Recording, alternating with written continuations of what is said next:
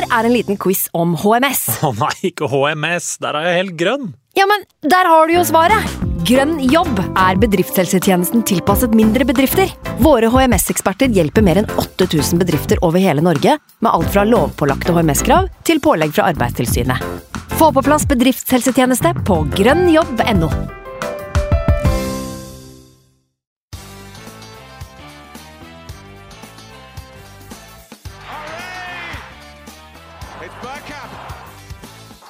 It's up for grabs now. Tierney up to Aubameyang. That's a lovely return ball for Emil Smith Rowe, who's got acreage to run into here. Smith Rowe and support from Aubameyang. Arsenal have their boot on the Tottenham throat. The next station is Arsenal. Hei og velkommen skal du være til en splitter ny episode med Arsenal Station med Magnus Johansen og meg, Simen Goffeng. I dag skal vi ut i Nord-Londons gater og feire og pilse til det ikke er noen morgendag. Islington er like gjenåpnet som Norge, men bare på anabole steroider. Og Nord-London er enda en gang malt i rødt. Dette her, Magnus, det var deilig. Hør på den lyden her, da. Kjenner du den? Jeg håper Aner er med på podkasten, hvis ikke så det er en pils som åpnes. Eh, det er eh, Nå har vi snakka om å ikke drive og promotere alkohol i den poden her tidligere, Magnus, så vi må ta Ja, men altså- litt grann. Beklager, da. Men det er jo faen meg eh, Derby Day, og vi har vunnet. Vi har klart å komme foran Tottenham på tabellen etter at de lå på toppen for, for to-tre uker siden, og vi lå på bånn. De hadde ikke slippe inn. Vi hadde ikke scora. Det var mind the gap her, det var mind the gap der. Det var hodet nedgravd i hodegavlen for vår del, og mobbing på alt som fantes av sosiale medier. Fra alt som kunne krype og gå. Så går det to-tre uker, så er vi faen meg foran dem. Er det mulig, Tottenham? Er det mulig? Det er så talentløst! Og det er så deilig.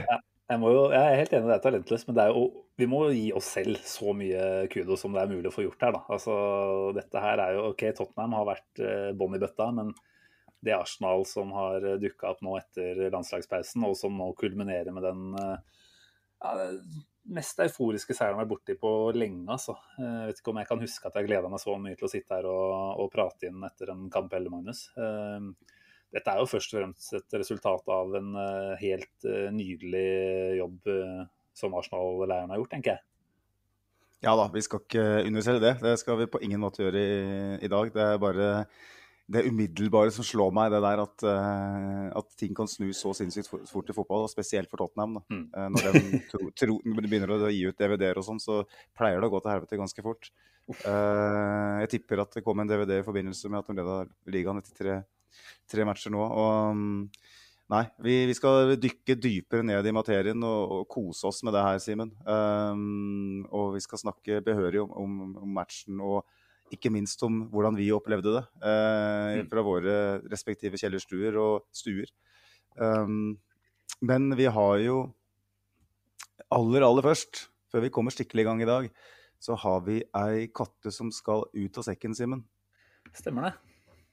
Du må Eh, slippe den ut hvis du vil det. Ja, kom da, buss. den var dårlig. Den var dårlig, den. Uh, vi er veldig glad for å kunne avsløre at vi nylig har inngått et eh, samarbeid med Arsenal Norway, altså den offisielle norske supporterklubben. Det er noe vi er veldig stolte av. Arsenal Norway gjør en forbilledlig jobb med å fronte supportergjerningen her hjemme i Norge. Og for oss var det helt naturlig å, å takke ja til samarbeid nå, da anledningen bød seg. Eh, Det er viktig å presisere at vi ikke representerer eller jobber på vegne av supporterklubben. Vi forblir uh, uavhengige. Men det vi kommer til å gjøre, det er å bruke den plattformen her til å fremme supporterklubben. Og ikke minst minne lytterne på hvilke muligheter som byr seg da, ved å være medlem i, Mm. i Arsenal Norway. Og, og i tillegg da, så kommer, kommer Arsenal Norway til å promotere oss på sine plattformer og gi oss litt drahjelp. Så har de i tillegg vært veldig tydelige på at de er villige til å bidra på flere vis. Og det er vi veldig takknemlige for. Det stemmer det, Magnus. Eh, Og da er jo spørsmålet, kjære lytter, som det jo har blitt eh, flere og flere av på den podkasten her, noe vi setter veldig stor pris på. Eh, Er du medlem i Arsenal Norway? Det må du jo stille deg spørsmålet først som sist. For hvis ikke, da, så vil vi jo sterkt anbefale dere å bli det. Medlemskapet der koster vel knapt mer enn en middag ute på byen. Det er altså snakk om 250 kroner i året, ikke i måneden, som jo vi jo har blitt vant til å betale på en del abonnementsplattformer. Men her er det altså snakk om 250 kroner i året, va, hvor du får tilgang til å søke på billetter til samtlige hjemmekamper. Du får hyggelige priser på supportereffekter. Du får seks utgaver av det deilige supportermagasinet The Gunners Post, som er tettpakket med Arsenal-stoff. Ført i pennen av supportere der ute. Ildsjeler som følger klubben veldig tett. Tidligere så blir du jo ikke minst en del av en stor norsk Arsenal-familie som vi må vel kunne si Magnus, har blitt mindre. Det har jo Ronny Madsen, som er leder i supporterklubben, vært innom her og, og, snakket om selv også. At uh, det har uh, blitt noen færre medlemmer nå gjennom korona. Vi tenker jo at uh, nå som Norge er gjenåpnet og, og, verden begynner å se litt mer normal ut igjen, så er jo det tida for å, å dra alle mann tilbake til pumpene og, og, sørge for at den supporterklubben her vokser i takt med at ja, de har noen utfordrere som vi ikke ønsker å nevne nødvendigvis, som, eh, som har eh, begynt å puste oss i nakken. Eh, ja, så, så, det er eh, definitivt en, en sterk oppfordring. Eh, vi har jo selv, Magnus, deltatt på flere arrangementer i regi av supporterklubben. Du har vært med i London, det har for så vidt jeg òg, når jeg tenker meg om. Også her hjemme, da. Og det er en fremragende arena for å bli kjent med likesinnede, og i tillegg til å dele de store Arsenal-øyeblikkene med gode venner. Så vi må jo si at vi tør å påstå at 250 kroner knapt kan anvendes bedre enn på denne måten. Så det er bare å gå inn på gunners.no Eh, klikke deg inn på fanen der det står 'bli medlem', og få mer info. Og resten gir seg egentlig selv. Så det, det må være dagens uh, klareste anbefaling eh, herfra, Magnus. Definitivt. Det er um, Vi snakka litt om det før sendinga at um, at den prisen den er såpass lav at uh, den, uh, den, smaker mer enn den koster, uh, rett og slett. Mm. Smaker veldig mye mer enn den koster. Og jeg, jeg tror det at um, de aller fleste norske Arsenal-supportere vil ha glede av, og, og, ikke minst det på delta på de mm. arrangementene. Der, der har jeg møtt mange mange ålreite folk som jeg har holdt kontakten med i ettertid. Og... Mm. Nei, jeg har, jeg har vært uh, med supporterklubben uh, i siden 96, er det vel. Jeg husker fortsatt de der uh, A5-utgavene som kommer på den tida. og jeg har vel ett års uh, fravær cirka, tror jeg, hvor jeg slett mm. bare glemte å fornye. Uh, men, uh, så jeg har et veldig høyt medlemsnummer, så jeg mista den gamle. Men det er liksom sånn Det er en selvfølge å være med. Det er, det er liksom man, man, føler at man, man, går glipp av noe, rett og slett, ved ikke være medlem da, og, og, være en del av den familien.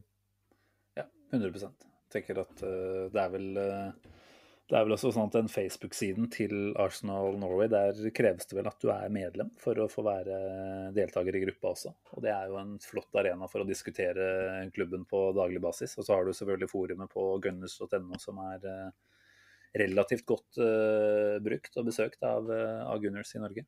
Så her får du definitivt mye for pengene, det er det ikke noe tvil om. Seks utgaver av The Gunners Post, hvor du da både får uh, litt om det som har skjedd helt opp til Eh, at bladet har gått i trykken, og du får også mer og mer eh, historie og, og litt mer sånn dyptgående eh, tekster da, om, om, det som rører seg i klubben både nå og tidligere i tida. Så mm. hvis du skal sammenligne det med andre type abonnementer som ligger der ute, så må jeg jo si at dette her må være definitivt på topp når det kommer til å få igjen for pengene. Så jeg er som deg, jeg har hatt et, et lite opp eller et lite brudd i, i, medlemskapet mitt, rett og slett pga. forglemmelse. Sikkert flere som kan kjenne seg litt igjen i det. At uh, man jo ved å måtte fornye en gang i året eh, plutselig kan, eh, kan la tilfeldighetene ta overhånd, og så har du, har du mista det. Men jeg mener vel at jeg også har sett at om det skulle være tilfellet, så er ikke supporterklubben vanskeligere enn at de gjenoppretter det tidligere medlemsnummeret ditt, uten at jeg skal love altfor mye her nå. Så tror det skal være muligheter for å, å bli værende i, i varmen eh, også om, du, også om, du, glemmer det litt bort en gang iblant. Mm. Ja, nei, men eh, Det må jeg si, Magnus. Det her er et spennende samarbeid. Eh, vi får jo understreke at det er det det er, og at ikke, altså vi er fortsatt vår egen podkast. Vi kommer til å prate om det vi føler for, og, og snakke om det på den måten vi, vi ønsker.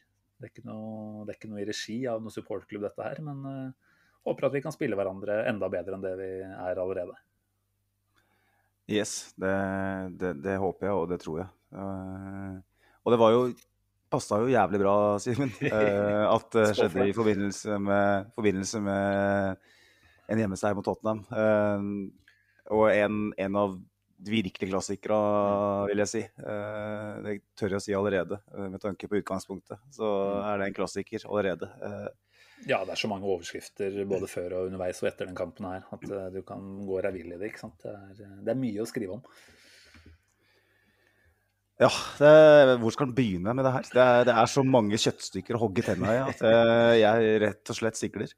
Ja, nei, jeg tenker jo at vi for å, Altså, vi er jo ikke kjent for å ha en superstruktur nødvendigvis alltid, men vi kan jo starte med det mest åpenbare, som i det tilfellet her var lagoppstillinga. Vi snakka litt om det i forrige pod også og tenkte at uh, Sjaka er fort tilbake igjen. Og det fikk vi rett i. Uh, så da var det vel egentlig ikke noen store overraskelser. Det var litt spenning i mine øyne knytta til hva vi gjorde med Saka og PP. Uh, Saka har vært litt så som så. Det samme kan du si om PP. Men Saka har vel vært skikkelig på gang nå siste, siste par kampene. Og hadde et innhopp mot Wimbledon hvor han kom inn og spilte høyrekant. Og og viste vel nå i dag at høyrekanten, den er, den er, hans nå. Uh, eh, PP har hatt en uh, litt tvilsom sesongstart, noe du var inne på. Og mente han var litt tilbake igjen til gamle synder, kanskje. Mm. og la oss for all del holde den gode følelsen og ikke, ikke på en måte gå i i en eller annen sånn felle hvor vi snakker ned spillerne. For det er klart, nå, nå er vi på et sted hvor det er gode prestasjoner som gjør at andre kanskje ikke får like mye spilletid som de ellers skulle ønske. Eh, der vi tidligere har måttet sitte og lett med lupe etter gode prestasjoner. Eh, men saka på, på høyre i dag, det var eh, en, en, god vurdering, kan vi vel si i ettertid. Og, og, resten av laget var vel ikke noe store overraskelser rundt, kanskje? Nei. Det begynner å danne seg et veldig tydelig bilde av hva som er den bakre femmeren. Som første gang kanskje under Ariteta at vi forhåpentligvis får se eh, litt kontinuitet i, i backfireren. Eh, og det virker allerede å bære frukter, syns jeg. Og som du sier, eh, midtbanen med Sjaka Apartheid altså, overrasker meg null og niks. Eh, så får du da Smith-Shaw ute til venstre. Det er kanskje der han har spilt sine aller beste kamper mm. for, for Arsenal, bl.a. Nordland Derby i, i fjor. Uh, og Saka har sine beste kamper, syns jeg, ute til høyre. Uh, Martin Ødegaard uh, er best i tierrolla. Så det, jeg syns at nå, nå, er det godfotteori ute og går her, rett og slett. Nå, nå bruker Arteta spillere mm. på det de, de, er best på, og det, det, har det ikke alltid vært. Altså. Og det er klart, det her er jo en Nå svever vi på en, en bølge. Av eufori etter en, en Derby-seier, så man skal være litt forsiktig med å dra altfor mange konklusjoner. Men det føles som om eh, vi ser konturene av noe av det Arteta prøver på. Og det, mm. det ser du allerede i startelveren. Mm. Det var vel første gang, eh, mener jeg, jeg i hvert fall hørte det ble nevnt, at eh, Arteta hadde samtlige spillere tilgjengelig. Altså ingen som er ute med skade eller karantene eller sykdom eller noen ting. Eh, og da, da syns jeg det er talende hva som er førsteelveren hans. Eh, da tenker jeg at det, det er eh, der han ønsker å være eh, per i dag. Eh, det er store styrker ved alle. Selv om Sjaka selvfølgelig kan sies så mangt om, så, så, har han noen egenskaper som det laget her drar nytte av. Og, og, det jeg kanskje satt med følelsen av i dag, da, var at det var en perfekt miks eh, mellom eh, de litt unge og ekstra sultne og de erfarne. Selv om det kan også sies at de unge er ganske erfarne. Og den eh, energien og sulten den smitta jo over på en Aubameyang som for så vidt har vært uh, klar for å løpe og, og gi gjerne de siste kampene, han. Altså, men i dag så var det helt ekstremt i mine øyne hvordan han jagde og, og måten han gjorde det på. Det var så hva er det de kaller det? Determination i det. Eh, vilja var så tydelig der, da. Og kan skryte av alle i dag. Det er liksom ikke, ikke, ta, ikke noe å ta noen på. Eh, Ødegård og måten han leder press på. Det er eh, Jeg vet ikke om det er ledig en stilling som press officer i Arsenal. Jeg syns det har vært litt eh, dødt på sosiale medier til tider der. Jeg tenker at han kan sikkert kjøre en sånn dobbeltvariant hvor han tar to stillingsbetegnelser med en gang. Ja, han, han er, tror jeg, den neste Arsenal-kapteinen. Eh, mange snakker om Kieran Tierney. Det har vært Kieran Tierney eh, som på en måte har fått mest publisitet. Mm. Det har vært Tesco-poser og det har vært eh, avklipte skjorter og ikke sant? Eh, det klassiske, litt sånn britiske, erkebritiske. Mm. Men hvem er det som er, hvem er det som er the teacher's pet? Da? Hvem er det som er managerens øyesten her? Det er Martin Ødegaard. Det er han som leder det laget her, fremme på banen. Det, det, det, det, altså han snakker mest, han presser mest. Han, han leder ved eksempel. Mm. Eh, når Aubameyang eh, etter hvert eh, tar med seg sine gullforgylte Lamborghiner og freser ut av London, så, så tror jeg det er en norsk Arsenal-kaptein i emning. Oi, nå ble jeg litt uh, småyr, jeg, kjente jeg. Det hørtes eh, bedre ut når du sa det enn jeg tenkte det tidligere i kveld. Det der var, eh, det var litt sånn eh, Er det sant? Tror du faktisk det, vi er der allerede etter Aubameyang? Ja, jeg tror det. Jeg tror det. Jeg syns er helt tydelig at Ariteta har et helt egen, en helt egen uh, forkjærlighet for Martin Ødegaard. Uh, måten han snakker om den på, eh, og måten du ser han liksom eksemplifiserer det Ariteta ønsker å gjøre på banen. Eh, nei, jeg synes også det er fremdeles der at jeg føler at Martin Ødegaard har litt å gå på når det gjelder å, den siste tredelen, når det gjelder å bli litt mer direkte og osv. Eh, men eh, når det gjelder å møte opp til kamp og, og gjøre jobben sin og, og piske de andre opp rundt seg, så, så, så har du, du har flere ledertyper. Ikke sant? Du har Ramsdale bak der også, som seiler opp som sånn kjempeleder. Og du har Gabriel, syns jeg, som eh, snakker mer og mer. Eh, og du har da Sjaka selvfølgelig fortsatt på midten der. Eh, men Martin Ødegaard fremst av alle, syns jeg, eh, eksemplifiserer det Ariteta ønsker å, å, å frem, fremvise. Så jo det er et lite tips, det. Ja, han er jo en herlig miks av alt uh, vi på en måte ønsker å se. Altså, han er ung, han har en blendende spilleforståelse og teknikk, og han har lederegenskapene, og han tar grovjobben. Det er på en måte en komplett pakke. Eh, Jeg tenker at eh, den ydmyke, litt beskjedne typen som han ofte framstår som i intervjuer og, og den type der, den, den legger han i større og større grad igjen eh, på sidelinja før han går ut på Emirates eller en annen bortearena i Premier League. Altså, jeg synes han eh, han tør å være en ordentlig, ordentlig ledertype. Eh, Noe han for så vidt også har gjort i, i Norgesammenheng i, i noen måneder nå. Men der han på en måte har fått litt kritikk, eller mye kritikk, må man jo kunne si, for å være for forsiktig. Så ok, han tar kanskje ikke alltid de, de heftigste pasningsvalgene fortsatt, men, eh, men han binder jo sammen dette laget her og, og er en leder i måten han eh, han presser oss eh, fram i Eller leder oss fram i press på. Så Mm. det er eh, veldig, veldig spennende å se hva vi kan få videre med Martin Ødegaard. Han har eh, i dag flest pasninger eh, av samtlige Arsenal-spillere, mer enn Sjaka. Eh, det meste av spillet har jo under realiteten gått gjennom Sjaka. Eh, han har gjerne hatt både 10, og 15 og 20 touch mer enn nestemann. Eh, de kampene hvor vi har styrt, eh, så har vi hatt kamper hvor forsvarsspillere har hatt kanskje litt for mange touch. I dag så Nei, forresten, jeg må bare korrigere meg sjøl. Jeg ser at Gabriel har faktisk to pasninger mer enn enn Ødegaard. Men eh, Ødegaard er, har flere enn Saka, Sjaka og flere enn alle de andre offensive spillere og midtbanespillere. Så det, det, det begynner å danne seg et bilde av en som har fått nøkla her. Mm. Eh, som skal styre den skuta her framover. Eh, og han Og da er komfortabel jo å spørs- gjøre det. da. Ja, veldig. Og så er spørsmålet på en måte hva slags, slags spiller er det Martin Ødegaard egentlig skal være for oss. da. Mm. Eh, er han kanskje ikke den der boksåpneren som vi så for oss? Kanskje er han mer en som ligger litt dypere og rett og slett eh, styrer. Mm. En teknisk leder. Eh, tar over litt for saka, sånn at vi kanskje kan ha en litt mer dynamisk partner for Partei etter hvert. Mm. Vi får se. Ja, for det var det som kanskje var spørsmålet igjen i dag. Altså, skulle vi fortsette med en, eh, en 4-3-3 hvor vi kjører med to åttere, som er Ødegaard og, og Smith-Roll? Eh, tenker jo, I ettertid er det veldig lett å si at det var veldig bra vurdert å kjøre på med Chaka. Da tror jeg vi fikk den, den blenden som vi trengte av eh, erfaring utpå der.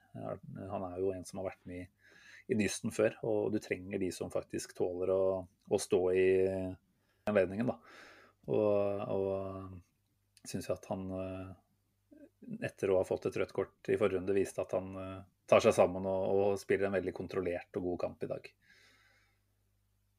Eh, Ja, han, han, han hadde et øyeblikk der hvor jeg var litt bekymra. Han leda inn med armen og fikk klappa til han Hvem var det? Var det Regilon eller noe sånt? Det hadde jo vært, vel, det hadde vært ekstremt strengt om han skulle ha vist noe ut men han, han treffer det med hånda der. Eh, så jeg tenker liksom fordi at det er Sjaka, eh, og fordi at det er han, så tenkte jeg, kjente jeg litt på nervene Mm. i noen sekunder der. Men uh, ellers så var det, var det kontrollert. Jeg vil si, jeg vil si at uh, han løste en ganske stor floke der uh, når Ramsdale spiller ballen ut på den. Og det er mange som har kritisert Saka for å bli stående, men Saka møter ball der faktisk.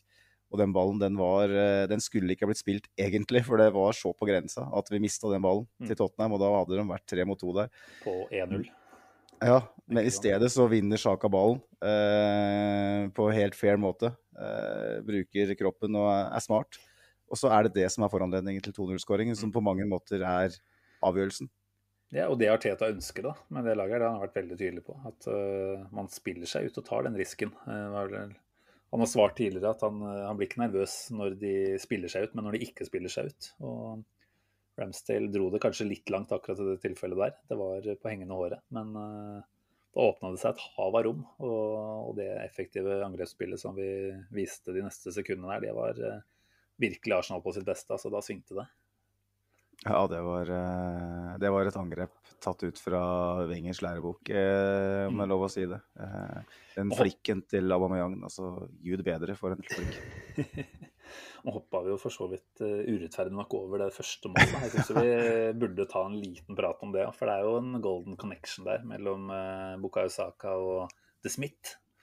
De har jo skåra og assistert hverandre noen ganger opp igjennom, men det har vært lenge siden de har Så jeg vet ikke hvordan det er med Saka, men med Smith Rose er det lenge siden han notert, noterte seg for, eh, for noe i, i målprotokollen eller i assist-protokollen. Så det var vel på tide, kan man si. Og når du først skal levere, så gjør det mot Tottenham, da. Det var uh, veldig kontrollert og fint det han uh, barta opp med der når han bredsida ballen inn etter eh, Saka sin uh, også ganske enkle, tilsynelatende eh, forbipassering av eh, Regilon. Mm. Det var, uh, syns jeg, uh, en, en Smith-Roe som viser det vi vet, vet bor inn. Eh, Han eh, Jeg har sagt eh, hele veien at jeg, tror han har mye av det samme som Aaron Ramsey har, som Joe Willoch har. Han- Han finner de rommene i boksen, han kommer på de dype løpa. Eh, og han har Mot Burnley så hadde han vel to store eh, sjanser som, som det ikke ble noe av, spesielt én. Eh, han, hadde, han hadde en mot eh, City og men, altså han har hatt flere allerede denne sesongen her som fort kunne ha endt i scoring. Men hvor han har vært litt grann sånn Kanskje litt stressa i avslutningsøyeblikket. Du ser at det er en situasjon han ikke har vært i altfor mange ganger. Eh, Mens det han holder på med i dag, er jo en eh, Ja, det var kanskje en litt enklere avslutning, kan du si også, da. Men han, han holder hodet kaldt og plasserer den akkurat der den skal plasseres. Eh, er lett å brenne til der og treffe rett på keeper eller en blokk allikevel, altså. Ja, ja, altså, da, altså hvis, hvis han slår den eh, nedi i, i nærmeste der, så vil kanskje folk si at uh, Joris gjør en, en god, en god uh, vurdering, ikke sant. Mm. Men det er åpent i, kort, i, i lengste der. Uh, og det, han finner det. Og det er løpet, ikke minst, som er veldig, veldig smart. Og vi, har sett det, vi så det jo helt fra han kom inn som var det 18-19-åring i Europaligalaget til Una Emery, at uh, du så at han hadde den egenskapen. Mm. Uh, så det er liksom, jeg, jeg er mye mer troa på han som målskårer enn både Ødegaard og Saka. Da. Uh, Men vi tar alle. han- Vi kan ta alle. Det går fint. de tar gjerne alle, men jeg tror han er av de offensive midtbanespillerne våre, sånn med unntak av PP, så tror jeg han er den som det bor mest mål i. Da. Så jævla viktig at han får den, og så syns han viser eh, en sylskarphet i den eh, situasjonen på 2-0 når vi kan ta det målet. Altså når, La oss gjøre det. eh, eh, jeg snakka allerede om foranledningen eh, med Ramsdale og, og Sjaka. Så er det jo Smith-Raw som er involvert der, eh, og får spill til er det Tierney som slår på Aubameyang.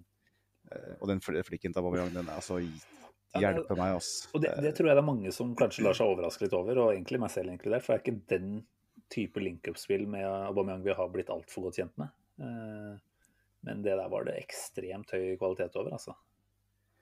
Det var noe øsilsk over både det Aubameyanger og det Smith-Roe etterpå. Eh, det var en øsil-touch, og så var det ikke minst den der det der blikk for spillet som Smith-Roe viser. Eh? Når han kommer ned mot eh, dørlinja der, så har han orientert seg. Mm. Han vet akkurat hvor Aubameyang kommer. Slår han den langt ut i feltet i stedet for, som de aller fleste fotballspillere gjort, ville ha banka han inn eh, langs linja der. Så hadde det fisla ut. Mm. Eller det har blitt et sjølmål, eller hva det måtte skje. Men jeg elsker å se spillere som da bare tar sjansen og slår den ut i feltet, for du vet at det er en lagkamerat der. Mm. For da vet du at da har stoppere og forsvarsspillere til motelaget har da stupt inn i egen boks. Så da har du, da har du plutselig et sekund hvor du kan eh, få en god eh, avslutning, i stedet for at, eh, at det blir en sånn type mer sånn instinktiv, kaotisk greie som det blir hvis du slår rett, rett inn foran mål. Mm. Så Ja, så var det vel nok andre løp inn i feltet der til at uh, Tottenham-spillerne ikke nødvendigvis bare kunne bry seg om Aubameyang. Altså, jeg husker ikke helt situasjonen, jeg burde nesten ha søkt den opp her nå. Men det er mulig at både Saka og Ødegaard er på løp inn også. Eh, og at det er sånn sett eh, vanskelig for Tottenham-spillerne å bestemme seg helt da, for hvem de skal eh, følge inn i der. Ja, jeg husker heller ikke det. Ja. lever, det her blir jo spilt inn da rett etter match, egentlig, Simen. Så vi, vi er like, ikke like godt forberedt nå som vi av og til er. Av og til. av og til, ja. Det er viktig å presisere. Så det er sikkert eh, noe av det vi sier i dag som kanskje kan virke litt eh, rart om et par dager, men sånn er det jo gjerne. ikke sant? Vi, sitter her i eufori og gledesrus, så det er vanskelig å være helt klar i toppen da. Men, eh, men jeg tenker at eh, vi må snakke litt om Når vi snakka om foranledninga og målet, men vi må snakke om det han eh, gjør etter han har dunka den ballen ned til venstre for Loris. Spurte bort mot Tottenham-fansen. Sklir bortover på knærne, knytter nevene og setter opp dette litt sinte ansiktet. Og du har sett det før. Mm. Tottenham eh, på Highbury i det, Var det 01-02? Nei, det var 02-03. Beklager. Eh, Henri. Kong Henri sitter på tribunen i dag, som vi også fikk med oss. Åh, det, var, det er et ikonisk øyeblikk når vi får eh, den feiringa der foran bortesupporterne. Ah, jeg sitter og er Ja, det er jo helt utrolig. ja, det er Hva, altså, det er jo fantastisk av uh, Aubameyang, som uh, i dag var uh, raskere i alt han foretak seg. Mm. Altså, han var kjappere i vendingene, han var kjappere i hodet tydeligvis òg. For det var jo at i, i den euforien og den rusen, så klarer han å tenke på det, liksom. Mens Andry sitter der. Altså, det er jo, det er jo en større prestasjon enn målet. Det er jo helt rått. Profesjonell på feiringene sine, det skal han ha. Jeg skal sette opp en Aubameyang-statue ved siden av uh, Henry, som er helt lik. I tillegg så kan vi ta en Simen uh, Gofeng-statue. For det, hadde ikke du òg sklidd på kne foran uh, skjermen i dag? Jeg sklei på knærne på 3-0, det stemmer det. Da, da var jeg på knærne og hadde bikkja hengende på ryggen. Uh, dessverre så fikk samboer ikke dratt opp uh, kameraet sitt eh, tidlig nok. Men, eh, men da, da sleit jeg ut eh, buksa og var helt på linje med Aubameyang og Henri, vil jeg si. Hadde du samme uttrykk i ansiktet? her, Eller var det litt Nei, mer jeg så skriking? ut som en idiot. Jeg klarer ikke å holde meg like kylig i en sånn type feiring, vet du. Eh, Jeg skårer sjelden mål, jeg, vet du, Magnus. Så når jeg først er med å feire litt, så, så mister jeg det helt. Men det skal jo sies da at det er lenge siden jeg har kjent på den følelsen der. Og liksom mister det litt når vi skårer. Eh, Jeg kan liksom huske tilbake til eh, 07-08 borte mot Liverpool når Walcott kontra inn, eh, eller Adebayor kontra inn eh, det målet der, da. Da husker jeg liksom at jeg var borte i ti sekunder og fant meg selv breakende på stuegulvet. Eh, jeg var litt tilbake der. Jeg er 30 år. Følte meg som jeg var 15 igjen. Det var helt nydelig. Ja, altså Det har jo vært flere øyeblikk i ettertid også, som hvor du kunne ha breaka, tenker jeg. Altså, bare for å avslutte segmentet, så eh, Når Welbeck eh, skåra 2-1 mot Leicester i 2016, så lå jeg på magen på gulvet og kjørte sånn eh, Hva heter den der type treningsformen når du løfter både armer og bein samtidig? Som Du trener magemuskler. Jeg skjønner hvor du vil. Og, og så bare våkna jeg bare Oi, hva, hvorfor ligger jeg på magen på gulvet, liksom? Eh, og da, etter det så ble jeg sjukmeldt i fem måneder pga. utmattelsessyndrom. Så det kan godt hende at, at, at det skjedde noe der og da. Jeg vet ikke. Men eh, det går hardt utover liv, lemmer og helse når man eh, ser sånne kamper. Også. Og i dag så var det bare Ah, det var så deilig, altså. Og spesielt etter, etter de ukene vi har hatt, eh, spesielt før Norwich-kampen, så var det liksom en slags revansj for alle. Men la oss ikke snakke oss helt bort. Vi var jo egentlig i, kampen nå, Simen. Vi var vel ikke ferdig med skåringen engang. Nei, ikke alle, nei. Det var jo en skåringssignert uh, Harry Kane der også, 3-0. Eh, bidra først med et eh, hva skal man kaller et klønete balltap i, i, oppe på vår banehalvdel, før han spurter tilbake og assisterer Saka. da. Saka som bryter seg gjennom. får tilbake ballen fra, fra Kane etter å ha prøvd å spille gjennom Ødegaard eller hva det er. Og så setter han inn 3-0, eh, og da, da, tok det helt, helt av på den uh, tribunen der. Det så ut som det var mange som mista det da, altså. Da var det nok noen pacemakere som uh, eh, dundra inn der. Uh, det, er jo, det er jo noe med hele, hele situasjonen vi er i. Også, altså. mm. Det her var det første Nord-London-derby med folk på tribunen på to år. Og så får man den her rysalen, liksom. Det er noe med at det er noe eget med den 3-0-skåringen. Vi, vi, har jo hatt uh, en del kamper de siste åra hvor det siste året har vært high, men hvis du ser fem, seks, sju, åtte år tilbake i tid, så, så, har vi hatt noen sånne hjemmekamper mot uh, kall det topp seks-rivaler. Chelsea hjemme når vi har 3-0 til pause. United hjemme. Uh, Van Hal City United når vi har 3-0 til pause. Mm. Liverpool hjemme. Uh, jeg husker ikke om det var 3-0 til pause, da, men det var når Beyerin og Øzil skårte. Stemmer det. Jeg satt på 3... tribunen da, så husker jeg. Det var 3-0. Det husker du godt, ja. Når den 3-0-skåringen kommer, det er noe eget, for da føler du liksom at OK, nå tar vi det. Mm. Og det er i tillegg fantastisk fotball, og det er eh, brus på tribuna. Rybelbrus, altså. Ikke noe annen brus. Nei, ikke noe brus. Nei, ikke noe, ikke noe brus. Nei, Det føltes godt. Solo. Det gjorde det. Jeg må jo si at Min ene lille kritikk i dag, eller jeg har kanskje et par, men det var jo at eh, det var såpass mange som fant ut at de måtte pisse eh, før første omgang var over. Jeg syns det var eh, Ikke at jeg har lyst til å ta supporterne på det, men eh, det var mange som hadde rusla tilbake til eh, baren eller toalettet før dommeren blåste av for pause. Jeg vet ikke om du tenkte over det samme, men jeg syns det så litt håpløst ut, faktisk. Nei, jeg, jeg la ikke merke til det, men det er jo Vi vil jo gjerne drikke en eller to øl mer før match foran et Nord-London-derby. Og uh, noen ganger så er du bare så sprengt at du må gå, altså. Det, jeg har en kompis som er Liverpool-supporter. Uh, og han hadde drukket litt for mange øl på puben foran uh, Det var vel Liverpool-Tottenham for en del år siden. Hvor Liverpool tror jeg vinner 2-0.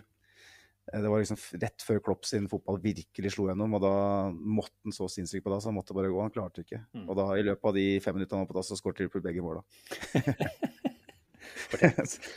ikke sant? Så det, man skal være forsiktig nå på dass, da, men uh, jeg, jeg, har litt medfølelse. Uh, du har jo den minste blæra i den podkasten her, så jeg regner med at du vet hvordan det er. Men jeg hadde heller råda folk til å ta med seg en ekstra bruskopp og kjørt den ut på tribunen, jeg, altså. Ja, men ja. da blir du kanskje kasta ut før andre gang, så det kan hende det er dårlig råd. Jeg er redd for det, altså, Simen. Ja. Ja, nei, men uansett, jeg vil la oss ikke lage dette til en sånn eh, surmulingspod. Beklager så mye. Eh, jeg legger meg langflat. Tar tilbake alt jeg sa. 3-0 eh, til pause var i hvert fall et faktum. Andre gangen var jo Altså, jeg må bare si aller først, første gangen der Det er jo i hvert fall det beste vi har sett av Arteta.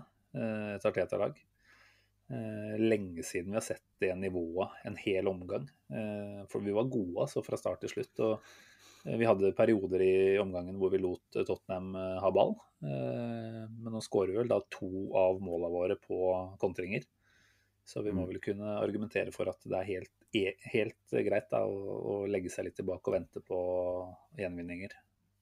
For der eh, tenker jeg at vi viser at vi har en god plan nå på hvordan vi skal angripe. da.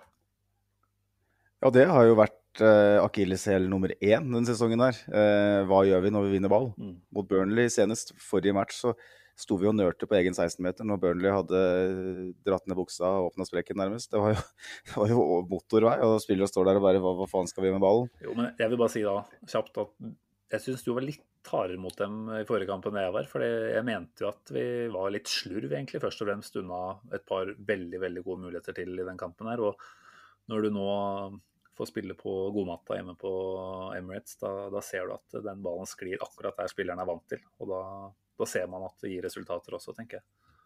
Jo, jeg, jeg, jeg, skjønner hva du mener, men det var jo noe med kroppsspråket til spillere som fortalte deg at det er ikke så veldig tilfeldig at det blir uh, slurvete. Uh, det var jo en helt annen greie. Da det virka som de rett og slett var rusa på anledningen. Uh, og man gjør litt mer instinktivt enn eh, når man spiller borte mot Burnley. Eh, så det er jo én greie vi kanskje skal eh, vok vokte oss litt for å vokte oss litt for. Da. Kanskje var det her en litt sånn cupfinale for dem. og Mm.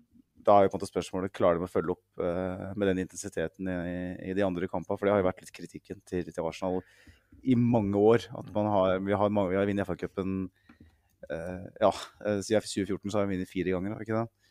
Og eh, vi er, har vært et cuplag, egentlig. Og Yes. den, den kulturendringa som Arteta snakker om, det handler jo nettopp om det. At vi skal klare å være på jobb i hver eneste match. Mm. Og vi vant 4-2 mot Tottenham under Runa Emery og, og en kamp som var helt vanvittig. Eh, som det var like god stemning, tror jeg, som det var i dag. Stemmer det. Og um, nå, man må på en måte se det Vi så jo ikke det mot Burnley, vi så jo ikke det i noen annen kamp den sesongen Mm. der. Og det, jeg er veldig spent, veldig, veldig spent på Yes.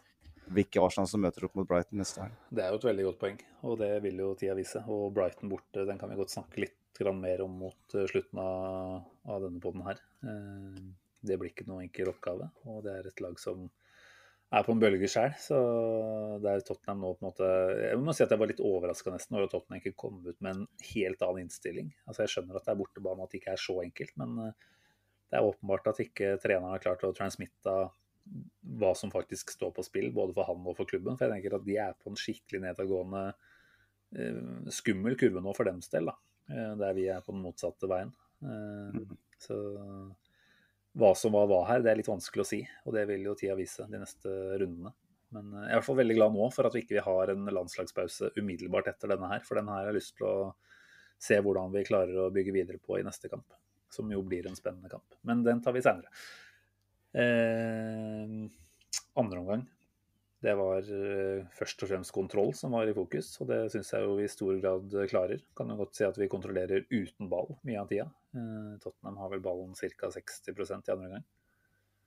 Mm. Eh, var du komfortabel med det du så, eller skulle du ønske at eh, vi hadde gått ut og Altså, vi kan jo ikke si at vi skulle gått ut for å drepe kampen, for den er jo på mange måter drept på 3-0.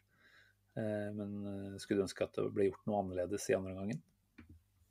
Altså, man ønsker seg på en måte alltid at Arsenal da skal stå høyere i banen og styre matchen, ikke sant. Eh, og, og på en måte ikke gi seg på 3-0, og heller eh, bare fortsette å trykke, trykke Tottenham. Eh, nå var det jo en del kontringer for all del, men liksom, liksom at, at, man, at man har en litt mer sånn offensiv eh, tankegang. Da. Um, men det er veldig naturlig at det blir sånn. Vi er ikke, vi er ikke eh, Liverpool eller Manchester City, eh, som er på et helt annet stadie i, i deres både prosjekt og, Mm. og, og evne eh, og nivå. Så jeg føler at det er helt, helt naturlig at Arsenal blir dypere når man leder 3-0 til pause. Da må Tottenham ut eh, for å prøve å få et tidlig mål. Arsenal har, veldig, har en del å tape, ikke sant. Mm. Eh, De har alt å tape, egentlig, og li, lite å vinne på, på å gå offensivt. For 3-0 det er en ledelse som veldig sjelden tas igjen i Premier League. Det, det er nesten aldri, ikke sant. Så da er det noe med at uh, man, må- man må på en måte gjøre de elementære tinga riktig. Bare sørge for at man ikke gjør noe dumt. Uh, så jeg forstår veldig godt at det ble som det ble. Men jeg må jo si det at eh, etter at Son skåra 3-1, og de første fem minutter etter det, da var jeg livredd. For da syns jeg at vi var litt prega. Og Tottenham Det er litt naturlig, ikke sant. Og da får Tottenham plutselig litt grann gnist, ikke sant. Eh, og jeg sto jo jeg, altså Det er litt rart, ikke sant. Du leder med to mål, og det er igjen 10-12 minutter. Og, men allikevel så sto jeg med ryggen mot skjermen og plukka popkornrester i sofaen etter dattera mi. Eh, jeg klarte ikke å se på eh, når Tottenham Jeg bare sånn jeg orker ikke der. For det Mm. kommer 3-2 da, ikke sant. Da kan du nesten banne på at det hadde blitt i hvert fall en kjempesjanse til 3-3. For da, da, da skjer det noe med hele dramaturgien i matchen. Ja, og det er jo ikke Eh, langt, langt unna at den 3-2-skåringa kommer heller. Eh, vi må jo være så ærlige å si det. Ramsdale varte jo opp med en kjemperedning der på en, et deflekta skudd fra Lucas Mora, er det vel. Så altså det som aldri skulle vært en jevnt kamp, kunne faktisk ha blitt det. Og det sier jo litt igjen om hvor fort fotballen kan snu, da, og hvor eh, vi kan jo si porøst dette Arsenal-laget fortsatt er. Eh, det er en vei å gå her før dette er her skikkelig solid. Men, eh, men jeg syns jo Mm. at 3-0-3-1 gir et veldig riktig bilde av den kampen her. Eh, Så det er godt å se at vi klarte å holde ut og få, få det resultatet vi fortjente. Ja. Uten at vi skal, ja, Nå sa jeg i stad at jeg skulle ikke ta så mye mer kritikk, men det er kanskje den andre kritikken man kan ta i dag. Da. Det er jo at, i hvert fall i mine øyne, så kunne Arteta ha gjort noe mer fra benk eh, når du ser at uh, spillere begynner å gå kanskje litt sånn halvtomme fra 70 og utover. Uh, akkurat der så savna jeg faktisk Wenger og tenkte at ah, må det vært deilig med de to faste 70-byttene, bare for å holde oss enda litt freshere. Syns du så at uh, både Saka og Smith-Roe, og kanskje også Aubameyang mot slutten begynte å bli ganske ferdig. Og så tar man ut både Saka og Smith-Roe, men det var vel ikke før 83-84 eller noe sånt. Eh, jeg tenker jo at man eh, kanskje skulle vurdert eh, å sette inn tidligere, men faen heller. Det tullete å, å, bruke for mye tid på det. Men du nevnte det før vi begynte å spille inn her, at det kanskje kan være et lite signal om at Arteta også var litt kan vi si, lost inn i den anledningen her. Da. Han var så følelsesmessig investert. Det var jo De kan jo mot uh, Sunderland, hvis, nei, mot Newcastle, hvis noen husker det. Uh, nesten. Det var jo eller Maradona for Argentina. Han mista det jo helt der. Og det var jo bare helt nydelig å se på. Mm. Men som du sier, det, det, det sto så mye på spill uh, for han nå at det er, mulig, det, er mulig, at han rett og slett mista det litt. Men jeg, jeg, jeg syns jo når byttene kom, så var de gode. Uh, Nuno Tavares og Maitland Niles det er, jo, det er jo gode spillere å kunne sette inn fra benk i sånne ja. posisjoner. Det er atleter som, som uh, er gode på å være opp, spesielt Maitland Niles. da. Er jo vanvittig god på å bare være en klegg, være opp i mann, følge løp, lese spillet. Uh, og når han får ballen, så, så har han en litt sånn derre gaselleteknikk. ikke sant? At han klarer å få med seg ballen forbi et ledd. og så Eh, ja, han kan miste hodet av og til, liksom, men det er sånne type spillere inn da. Det var, det var helt riktig. Og, og da følte jeg Det var første tidspunkt i hele kampen at jeg følte en viss komfort. Eh, at OK, nå klarer vi det. Eh, når jeg så at, eh, at de byttene funka. For det, mm. før det så var jeg pissredd hele matchen. Det er Nordland Derby, og det, jeg har vært med på noen Nordland Derbys, eh, bl.a. den 4-2 hjemme når det ble 4-4. ikke sant? Og, det, det, det, et, et, et, brent barn skyr ilden, rett og slett. Eh, man, man ja, vet at ting kan skje jævla fort. Mm. Og det skuddet som du snakker om, til Lucas Mora eh, Åh, Aaron Ramsdale, altså. For en karakter. Ja. Eh, ikke sant? Det passer så bra. Det er liksom sånn perfekt at det er han som da bare fister den uh, i, i tver, tverra. Uh, og bare ser reaksjonen etterpå, liksom. Han Altså, han er jo ikke en nasjonalgutt i utgangspunktet, men han er jo allerede en nasjonalgutt. ikke sant? Ja, han, ja, det virker som han har spilt Nordland Derby hele livet. Det er helt nydelig å se på. Ja, nei, jeg tenker at eh, den, eh, den innstillinga som både han og de forsvarsgutta nå har, har, vist de siste kampene, eller særlig de siste to, da, det, jeg nevnte tidligere at det er, det er litt sånn det er så mye stolthet i det. da, Og du føler at det, det, er noe man ikke har hatt på lang tid. Altså Mertesacker, Korselny bød på en måte litt på det samme, men uten å ha den der ekstreme faen ta alle sammen-holdningen. Men jeg føler at mm. Eh, både Ramsdale og til en viss grad også Gabriel, som du sier, da, har nå. Eh, ekstremt gøy å se den eh, connection som de har fått eh, mellom seg, men også da som smitter over og, og, blir eh, mellom eh, spillerne og supporterne. For det, det, var noe som ble sagt også etter kampen, at eh, den, den følelsen som man på en måte nå sitter med at uh, har utvikla seg mellom spillere og, og supportere, den er, uh, mm.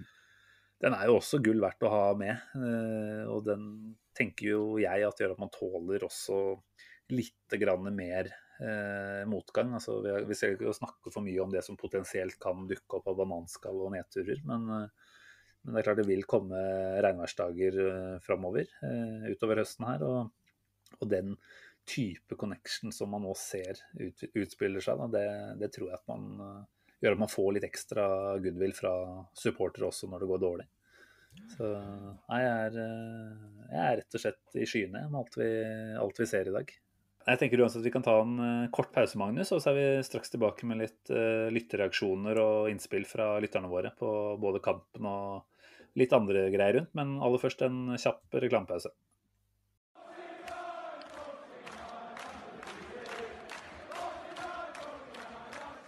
Walt Trafford 24.10.2004. Arsenal ranes på høylys dag og går glipp av muligheten for ligakamp nummer 50 på rad uten tap. I tunnelen etter kamp går det hardt for seg, og et spansk supertalent tar på seg jobben som pizzabud og serverer en feit slice i fjeset på den legendariske manageren. God pizza kan serveres på flere måter. Vi i Arsenal Station foretrekker å få den levert rykende fersk på døra fra Dominos. For hva er vel bedre enn å slå seg ned i sofaen med Arsenal-kamp og en deilig pizza med mengder av fyll og ost? Bestill din favoritt på dominos.no.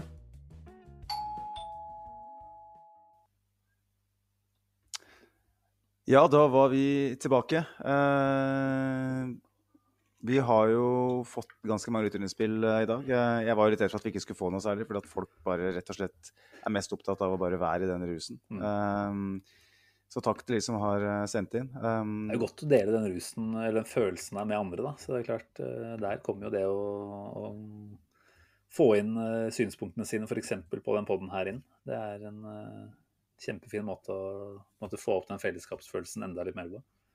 Ja, definitivt. Og, eh, vi snakka litt om Ramsdale nå rett før pausa, Simen. Eh, og han er veldig mye nevnt i eh, reaksjonene fra lyttere. Eh, Famaro Sonko skriver Jeg skal ikke dra den for langt og si at Ramsdale er Lehmann, men han har karakteren til Lehmann som sjef bak der. Hvordan, de reagerer, hvordan han dirigerer gutta bak, applauderer dem når de gjør en bra handling. Det alene gir selvtillit og enda mer krigers innstilling. Vi har funnet forsvaret vårt, skriver han. Eh, Jonas eh, Lundsvold skriver en liten applaus til Levar Skisseskanse også. Elsker engasjementet hans. Mm. Eh, skal vi se, er det noen flere som har eh, Jo, eh, Andreas Mathiassen. Han skriver den redningen til Ramsdale i sluttminuttene der. Den elleville reaksjonen. For en herlig karakter. Han er jo allerede snart den mest populære spilleren i den stallen.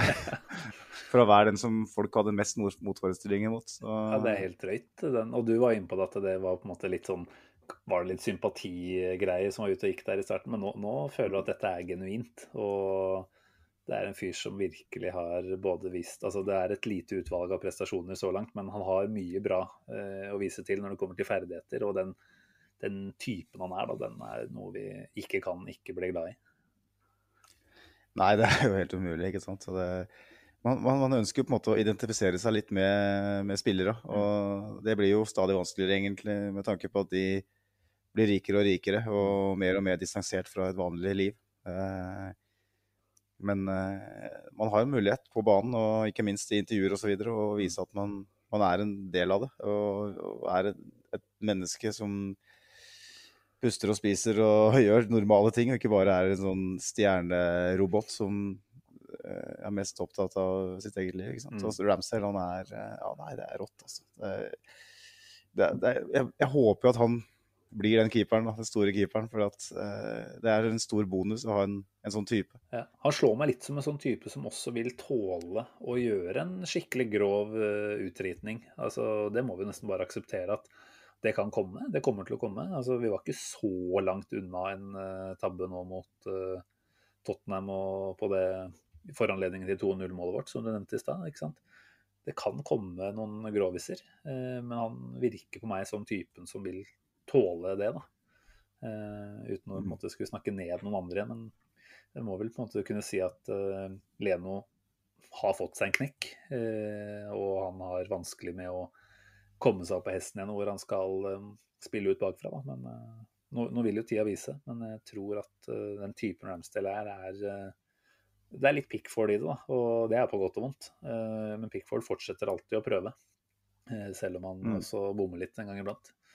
Og han er altså engelsk landslagskeeper, så, og det har for så vidt også Ramsdale vært, i hvert fall på tredjevalg. Så jeg tror at den Altså den gjengen bak der, da.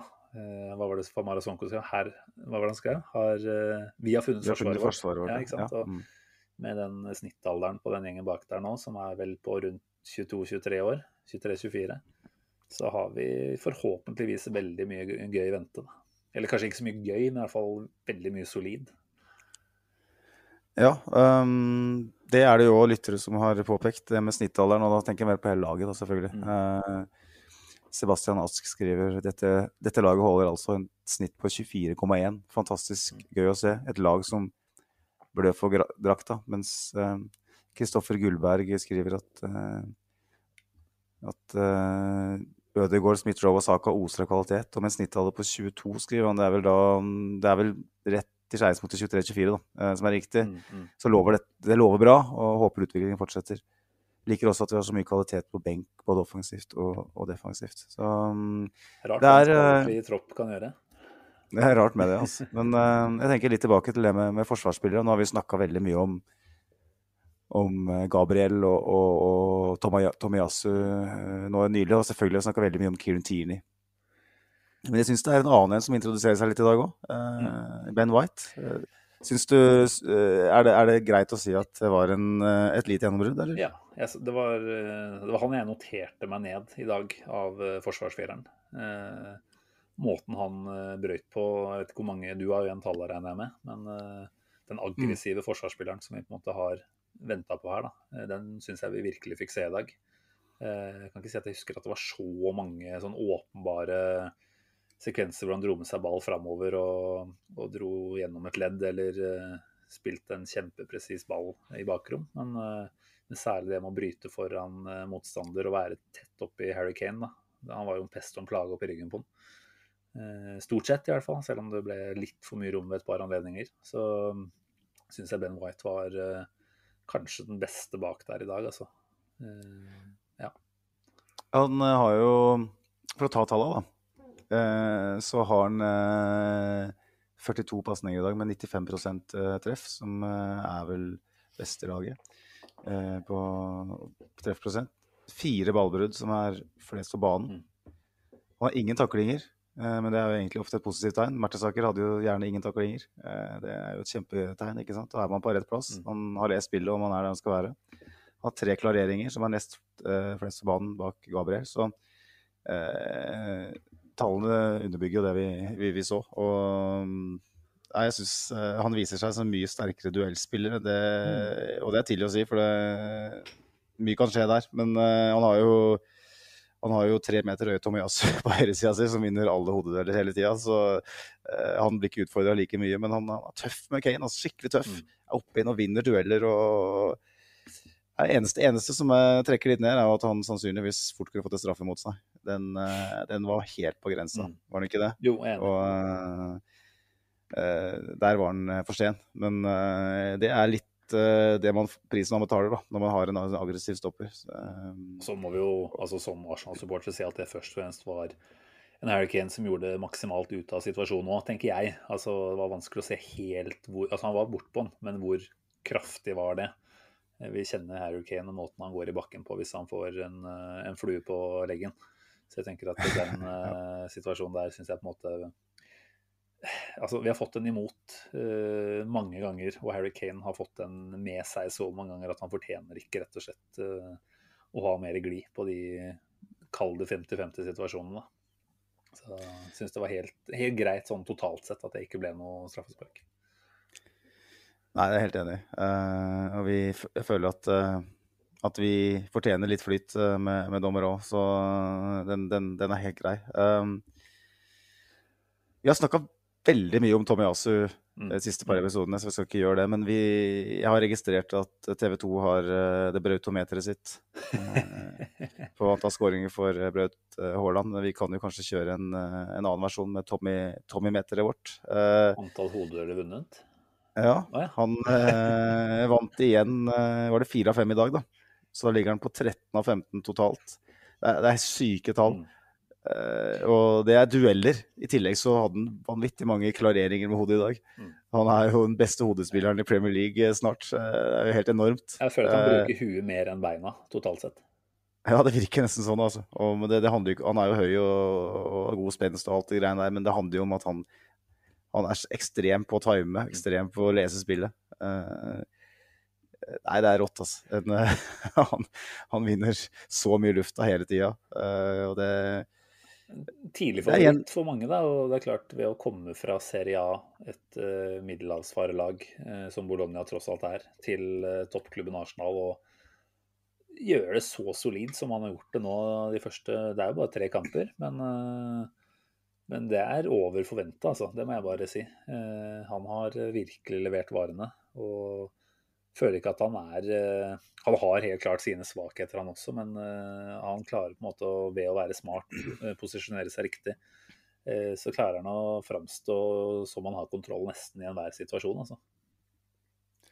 Ja, han, han, han evner på en måte å, å, å gjøre ting enkelt. Da. Eh, det var et par anledninger i dag hvor jeg tenkte kunne du ikke vært litt mer ambisiøs. Eh, hvor han bare slår ballen ut, av, ut for sidelinja. Bare klarerer den ut. Hvor det på en måte var spillere som eh, var tilgjengelige. Mm. Eh, men det er jo nettopp det som kanskje gjør ham så god òg, At han, han, spiller på det enkle. Han er jo en, en Bakari Sanja. Det var det du etterlyste sist, så da, da, kan vi på en måte ikke klage når vi får det heller. Nei da, men eh, du, du, tenker liksom at han fyren her han har jo ting å gå på. Han har jo mer, mer å gå på. Han, eh, dette her er de første tre kampene hans i Premier League. Nettopp. Han, og, han kan jo sannsynligvis bli enda bedre. ikke sant? Eh, det er jo naturlig at han blir det når han blir bedre kjent med, med medspillere. Og, du så jo måten han eh, gikk bort til Ramsdale på når Ramsdale hadde redda den Mora-avslutninga som gikk i tverra. Så så du Altså det var noe nesten britisk over måten begge feira på. og det er kult å se. altså. Jeg ser jo Gabriel gjøre det samme. ikke sant? Den, den, den eh, Som Famaro Sanko sa, så vi har funnet forsvaret vårt. og det, det er, også Kieran Tierney har jo blitt trukket fram som den som har den karakteren og personligheten. Men de tre andre har jo det, dem òg. Så det nei, fire andre, for å si det på den måten. Ja, det er en, det er en kul gjeng, rett og slett. Og det er helt i oppstartsfasen. Og jeg tror dette her eh, kan utvikle seg til å bli veldig gøy, altså. Det er en, eh, et potensial nå som du er litt sånn Hvor kan det ende? Eh, håper virkelig at eh, vi holder gjengen skadefri. Det er på en måte der jeg er evigvarende redd som Arsenal-supporter. Frykten for at det skal dukke opp en eller annen skade. Men da igjen så tenker jeg det er Vi får se det som et pluss nå at vi har midtukefri enda en uke nå. Og mulighet til å lade opp til Brighton-kampen med en fulltallig tropp ta det pent på trening og være fit for fight i er det lørdagen. Så mye, mye gøy å ta med seg herfra. Altså. Men uh, du snakka litt om hodetall. og Jeg bare må spørre deg, fordi det var en annen spiller i dag som jeg bet meg veldig merke i at uh, imponerte i hodespillet. Og det var Aubameyang. Kan ikke du gi meg de statsa hans på duellen i dag? ja, det er ganske rått. Han vant flest hodedueller på banen. Mm seks stykker. Og det, det, så vi jo at han I De lange utspillene til Ramsdale, så, så, var han oppe og vant mot Davinson Sanchez, Sanchez og Eric Dyer. og det, det, er jo nesten sånn at man ikke tror det man ser. I tillegg så har han flest taklingsforsøk på banen. Nei, jeg blir så glad jeg når du sier det der. Altså, igjen, jeg, jeg hadde jo sett den samme kampen, så jeg tenkte at faen, de statsa til Aubameyang på hodet de må være gode. Men uh, når jeg spør deg om å dra dem fram, og du kommer med at de er best av alle, da, da blir jeg litt ekstra glad, altså. Fordi vi har snakka mye om at Aubameyang ah, Er han litt uinteressert? Er han litt over middagshøyden? Uh, hva er dette her for noe nå? Også at han går ut på Nå syns jeg på en måte ikke det bare var i dag heller. Jeg syns vi så antydningene til det mot Burnley også. At han var interessert i å ta de defensive jobbene og, og gjøre det med hjertet. da, Ikke bare gjøre det fordi han har blitt fortalt det. Og mm. i dag så, så du det bare forsterka enda, enda mer. Da. Og han var påskrudd offensivt, og han var definitivt påskrudd defensivt. og jeg tenker at uh, igjen, det er altfor tidlig å konkludere etter en kamp her med så mye som står på spill som det gjorde i dag. Men uh, tar han med seg dette lynnet framover nå, da, da, har vi en skikkelig killer på frontplass uh, med en gang, da. Ja, altså han er min man of the match i dag, og det, det handler litt om feiringa, selvfølgelig òg. Eh, men eh, når du på en måte er den som Når, når du ser hva han gjør på skåringa si der, eh, med den flikken og, og så avslutninga, og så den feiringa, og i tillegg så er den som vinner flest hodedueller, og den som har flest taklingsforsøk på banen, som spiss da får du man of the match som meg. Altså. Selv om det er mange andre. Det, selv om det nesten er ti andre ja, som fortjener det. Det er lett å gi til alle i dag. Altså. Jeg, jeg, tenker både Saka og Smith-Roe er nok åpenbare man of the match-kandidater hos de fleste. Eh, fordi de både scorer og er sist. Det blir så åpenbart at de får den da. Men, eh, men altså, Ødegaard eh, har ikke målpoengene, men han er igjen ekstremt mye bra han bidrar med. da. Så nei, det er mange gode prestasjoner der ute i dag vet ikke om vi på en måte begynner å nærme oss eh, nok av eh, kamppraten, eller om det er noen helt andre åpenbare ting vi burde være innom? Nei, egentlig ikke. Vi kan jo bare oppsummere egentlig med at uh, jeg, fikk, altså jeg fikk, en, en snap av uh, en kompis, Morten Grane. Han kjenner du òg. Uh, han ville gjerne at du skulle spørre liksom Arsenal får så sinnssykt mye rom på på midten i dag? Er det, er det vi som er gode, eller er det, er det, litt fordi at Tottenham rett og slett er begredelig dårlig? selvfølgelig så er det fordi at vi er gode. Det, det, i seg selv, det sier seg sjøl, men jeg så jo Tottenham mot Chelsea. det gjorde sikkert kanskje du òg. Da var det Tottenham best i første omgang. Mm. Da kjørte de vel en tre på midten der med var det Skip, Endombele og Høibjerg og vant midtbaneduellen helt til Chelsea satte inn Canté i andre omgang. Eh, og så valgte de å gå bort ifra det. Satte inn Dele Alli som en del av den treeren, og det var jo så tomt eh, til tider der. Eh, så, så, Arsenal fikk jo slå opp eh, i, sentralt, eh, og det var jo der vi ofte eh, starta. Um, Mm. Føler du at det er noe i det? Eh, altså, selvfølgelig, Arsenal skal ha honnøren for, for, spillet, men føler du at, eh, at, hvis Tottenham hadde valgt en litt annen taktisk inngang, altså, at vi kunne ha, ha slitt mer? Helt sikkert. Eh, det var vel mange som snakka om at den midtbanetreeren eh, ville kunne overdøve Chaka Party-duoen, da. Selv om jeg også måte, tenkte at uh, Ødegaard egentlig er en del av den midtbanekonstellasjonen der. Eh, men når man går med Ally istedenfor, og han var jo helt, helt usynlig i dag, takk for det. Mm. Eh, det er klart det kunne sett annerledes ut eh, med et litt annet opplegg. Men jeg tenker jo allikevel at vi må gi honnør først og fremst til Arsenal, som er litt raskere og litt sterkere og litt bedre på det neste i dag. Altså. Og at mm. Thomas Bart igjen for meg er en gigant. Eh, har ganske god kontroll på, på den sentrale midtbanen. Eh, serverer også altså den pasningen hvor han slår Aubameyang i bakrom. For litt sånn pressa ja, mot uh, sidelinja der. Det var, det var, så høy kvalitet på det. Så jeg velger jo å si at det først og fremst var et Arsenal-lag som var gode, heller enn Tottenham. Da. Mm, ja, Nei, men da er vi enige. Det er, jo, det er jo det. det, er det. Og før vi da går videre, så må jeg bare si at uh, dagens nøkkelord for meg, det er mot. Ja. Fordi at man har mot til å, å, å spille opp i, på feilvendt spiller. Uh, husker du den uh, Sjaka-ballen inn til Ødegaard? Uh, jeg husker ikke, Det ble vel ikke noe av det til slutt, men uh, på én touch over til Ødegaard som tar imot feilvendt og vender opp ja. og slår videre. Det er bare sånn derre Yes. Ja. Hvorfor, altså, er, vi har blitt kalt hesteskolaget for at vi har spilt sånn hesteskofotball, hvor det på en måte går fram og tilbake i bekkerekka, og så ut på kant, og så tilbake til bekkerekka. og så eh, Men i dag så var det det motsatte. I dag så var det eh, rett og slett eh, et dundrende godstog eh, sentralt i banen, som bare slo opp på feilvendt lokomotiv. Altså. Mm. Det var nydelig å se på. Det, jeg savna det så sinnssykt. Det, det, var som å se en tidligere Arsenal-årgang. og det må ta med det motet her inn i, i neste match. Og tør, tør å bruke Ødegaard, tør å bruke Saka, tør å bruke Smith-Roe sentralt i banen. For da kommer vi til å gjøre så mye bedre enn å spille ut på en, en back eller en kantspiller som slår i støtte. Nei, det, det er Det Arsenal-laget det har vært så forsiktig og så omstendelig at uh, man lurer på om, om det er instruksjoner. Uh, mm.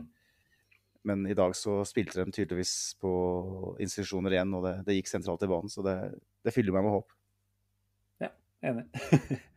jeg lurte på om vi bare, jeg satt her og titta på leserreaksjoner og lurte på om vi bare skulle dra med et par av de andre som ikke du har nevnt, eh, uten at vi trenger å snakke så mye om de. Så tenker jeg at på en dag som dette her, altså det er jo supporternes dag først og fremst når du vinner et byderby mot Tottenham. Da må man føle at det er på sin plass å ta med alle. Uh, Hedley BN på Twitter uh, skriver jo for så vidt noe som du var inne på litt akkurat. Han er imponert over lagmoralen. Presset fra Ødegaard var så utrolig viktig for gjenvinningen vår. Uh, kommer ikke på en eneste svak spiller etter denne kampen. Skryt i alle. Mens Stian Børling er Vi var jo innom denne første omgangen i stad, som var fantastisk, og det skriver han òg. At den var fantastisk. kontrollerer i andre omgang. Burde hatt noen bytte litt tidligere, men dette var en kjempesolid kamp kollektivt. Elsker synet av Arteta som omfavner Arsenals fotograf. Må oh, yes. lurer på om Stian skal ta over for meg i denne poden her, fordi han sitter jo stort sett med de samme tankene som jeg gjør. Eh, når Arteta går utpå der og omfavner eh, Stuart McFarlane, han eh, klubbfotografen, etter kamp, da kjente jeg nesten at det pressa seg fram en liten tåre òg, Det var veldig, veldig vakkert.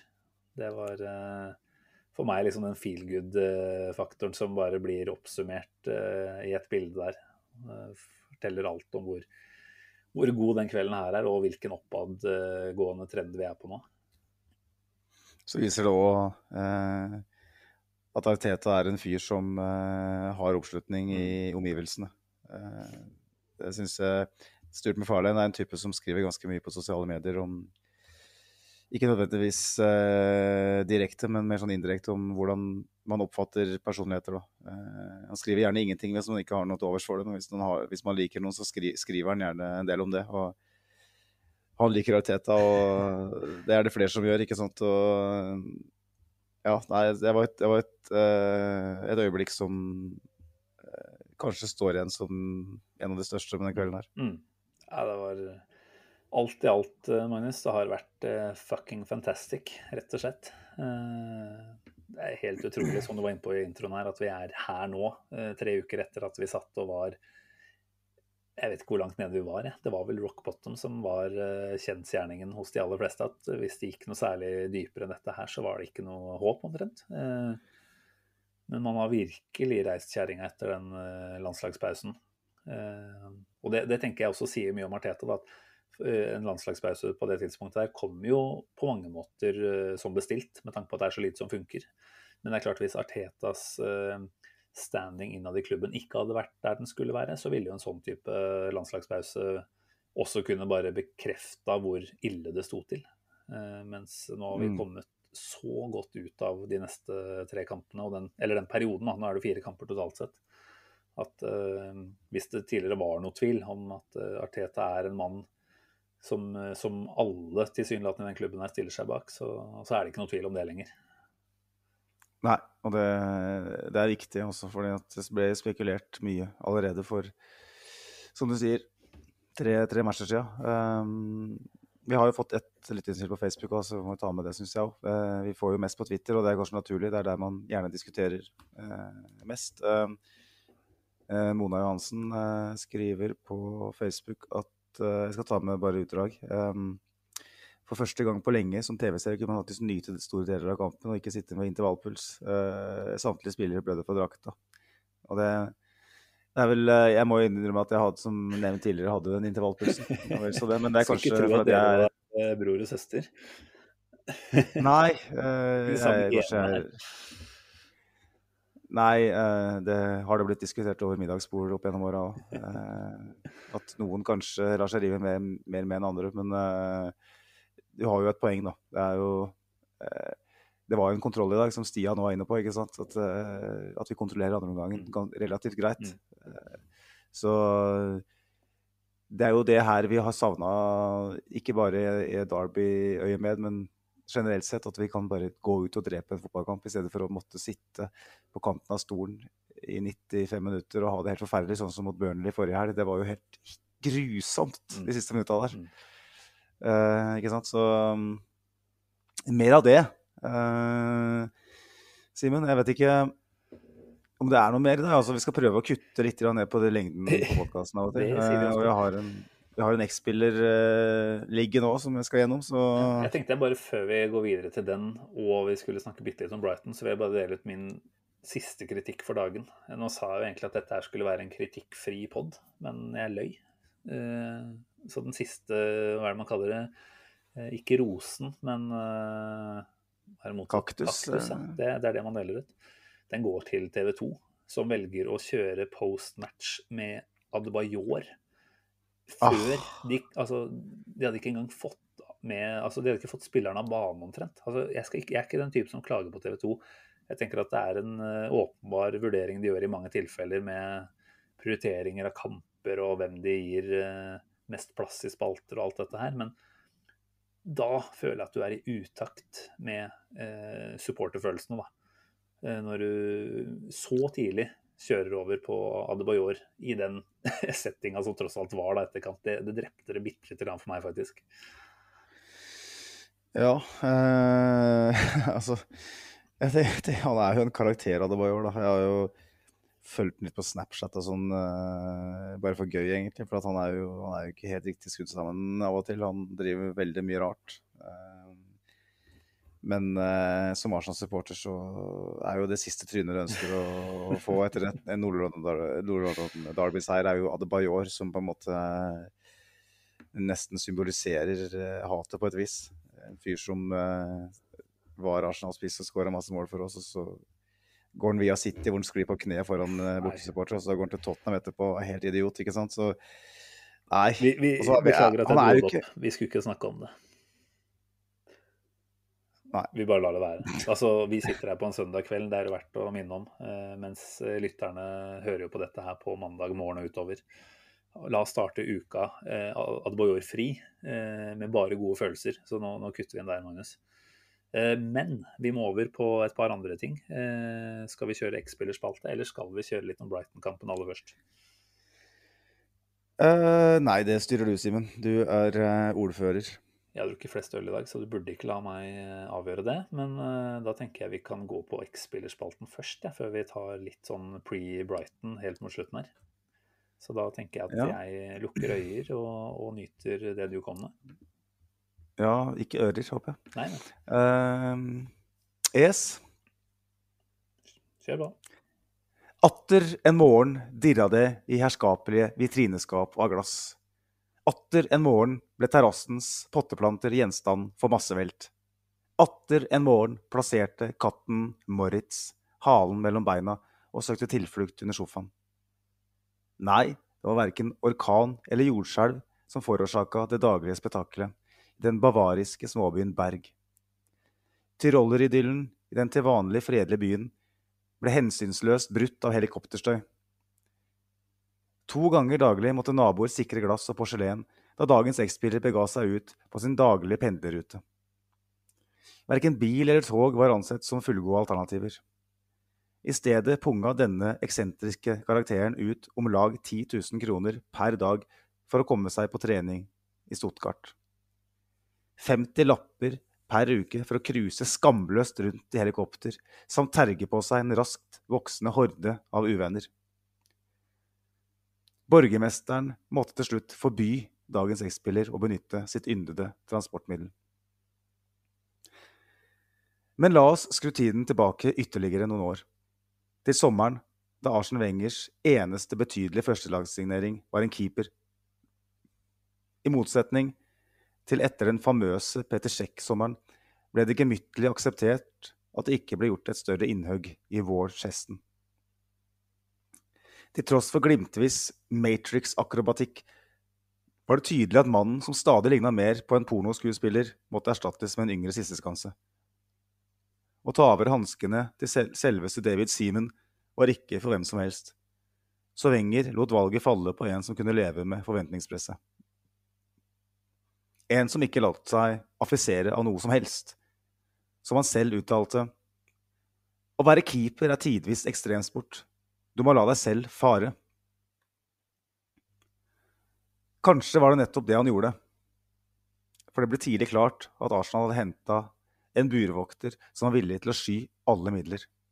Alle midler. Han fremviste en uvanlig offensiv holdning på banen i en tid hvor keeperne gjerne sto rotfast i egen boks. Det resulterte i noen komiske scener hvor hans forsøk på å nå ball langt utenfor 16-meteren endte i baklengs. Men i de aller fleste tilfeller var han først for ball og sørga for gunstige ballbrudd for Europas giftigste kontringslag.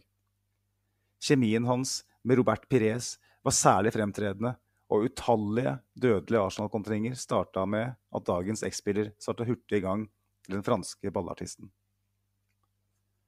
Og det skulle bære frukter umiddelbart. I hans første sesong i Nord-London vant klubben Premier League. Og ikke nok med det, de ble det første laget i moderne tid som unngikk å tape en eneste kamp i løpet av en hel sesong. En ufattelig bragd, personifisert av den gale vinnerskallen som vokta buret. Han var den eneste spilleren som var på banen i samtlige 38 kamper. Navnet hans sto allerede i gullforgylte blokkbokstaver i klubbens historiebøker. Da klubben sikra tittelen på White Hart Lane, i lillebrors bakgård, ble det dansa krigsdans, jenka og breakdance i bortegarderoben, mens korkene spratt som prosjektiler mellom de slitte flisene. Midt inne i mylderet kunne man ane en nedbrutt ensom helikopterentusiast. Lagkameratene måtte til slutt opplyse ham om at de faktisk hadde blitt seriemestere. Selv var han kun opptatt av straffesparket som han ga bort i siste spilleminutt, som sørga for en meningsløst uavgjort-triumf for hjemmepublikummet. Perfeksjonisten fornekta seg ikke. Påfølgende sesong ble tyngre, både for klubben og for perfeksjonisten med hansker. Etter at den ubeseirede rek rekordrekka ble brutalt avbrutt av voldelige Ferguson-disipler og en i beste fall partisk dommer, forsvant både aura og swagger. Sisteskansens tabbekvote ble merkbart større, og etter flere svake forestillinger mista han plassen til Manuel Almunia. Akkurat det falt ikke i god jord hos dagens X-spiller. Den spanske keeperen var nok aldri hans kopp te, men det var tydelig at de nå gikk fra å være kolleger til å være bitre rivaler. Det vil si, dagens X-spiller mura opp en isfront nesten over natta, og stakkars Almunia ble utsatt for det som grenser til hatefull propaganda i pressen. Tyskeren la som vanlig ingenting imellom. Når jeg ser hvordan Almunia presterer, blir jeg så forbanna at jeg må lage en knyttneve i lomma. Det er ikke gøy å være benka for en som starta karrieren som 30-åring. Etter hvert ble det klart for Almunia at eneste remedie var å bekjempe brann med brann. Den ulmende konflikten endte til slutt med full fyr i teltet, da de to kamphanene måtte skilles på treningsfeltet. Brannstifteren erindra, selvsagt med britiske tabloider som sitt talerør. De måtte holde fast Almunia for å unngå at han slo meg i ansiktet. Det var synd. Jeg skulle ønske at de lot han slå meg, for da hadde jeg hatt en rival mindre å forholde meg til. Men han skulle få tilbake plassen sin. Almunias tabbekvote viste seg å være vel så stor som tyskerens, og det var en skjerpa Invincible som på ny tok plass bak Saul Campbell og co. Plutselig så Arsenal ut som et mesterlag igjen. En sterk sesongavslutning kulminerte med FA-cupfinale på Millennium Stadium i Cardiff, mot den samme gjengen som på urettmessig vis stoppa Arsenals rekordrekke på Old Trafford i oktober. Det kokte av vondt blod. Det var oss mot verden. Oss mot kyniske, voldelige feiginger. Oss mot en dommerstand sterkt pressa av en eneveldig Ferguson. Da passa det umåtelig bra at vi triumferte. Vanvittig mot spillets gang. Karma er ei flyfille og alt det der. Det passa også perfekt at dagens helt ble vår kyniske jævel. Sisteskansen som kunne terge på seg en jovial innlending på lystgass. Uniteds angripere bombarderte Arsenal-buret i samfulle 120 minutter, men blekkspruten mellom stengene dekka enhver millimeter med tentaklene sine. Den levende veggen ble så den store helten i straffesparkkonkurransen, og hans posisjon var på ny befestet. Én gang for alle. Tyskeren fortsatte sitt storspill i den påfølgende sesongen og var særdeles viktig i ferden mot klubbens aller første mesterligafinale. Ti kamper på rad uten baklengs var ny rekord i den prestisjetunge turneringen. Med et lappeteppe av ei forsvarsrekke foran seg, med tunge skadefravær, dirigerte han troppene forbi storheter som Real Madrid og Juventus. I semifinalen venta mer overkommelig motstand i Villarreal, men den gule ubåten fra El Madrigal ga seg ikke uten en durabelig fight. Nok en gang måtte blekkspruten redde et vaklende Gunners fra et sannsynlig nederlag, da Johan Rikelme fikk muligheten fra straffemerket på overtid. Objektivet var krystallklart. Skåra argentineren, ville det blitt ekstraomganger mot et hjemmelag med momentum og spillemessig overtak. Redda tyskeren, så var Arsenal i Champions League-finalen. Aldri har vel ansiktet til Wenger utstrålt en så desperat lettelse som da burvokteren fista vekk forsøket fra Viareals krumtapp. Et skikkelig Oddvar Brå-øyeblikk. Keeperen hadde nok en gang stjålet showet. Arsenal skulle til Paris. I Paris skulle han også stjele showet, men denne gangen med negativt fortegn. Vi trenger ikke rippe opp i den historien, men det er verdt å påpeke at dette antiklimakset på sett og vis markerte et nytt skille. Etter flyttingen til Emirates som ble innledet noen uker etter dramaet i Paris, fikk vi se en mer ordinær utgave av den eksentriske målvakten. Strafferedningen mot Villarreal ble, på sett og vis, hans siste store bidrag. De to siste sesongene han tilbrakte i N5, handla igjen mye om rivaliseringen med Almunia. Og til slutt måtte tyskeren igjen lage knyttnever i lommene. Hans bitre rival klarte igjen å danke ham ut, og denne gangen for godt. Da helikopteret tok av fra London Colony for siste gang sommeren 2008, var det nok flere, inkludert Manuel Almunia, som trakk et lettelsens sukk. Men for de aller fleste av oss var takknemlighet det vi kjente sterkest på. Takknemlighet for både absurd galskap og store øyeblikk. Jens Lehmann står igjen som både klovn og legende. What a magic. What a magic.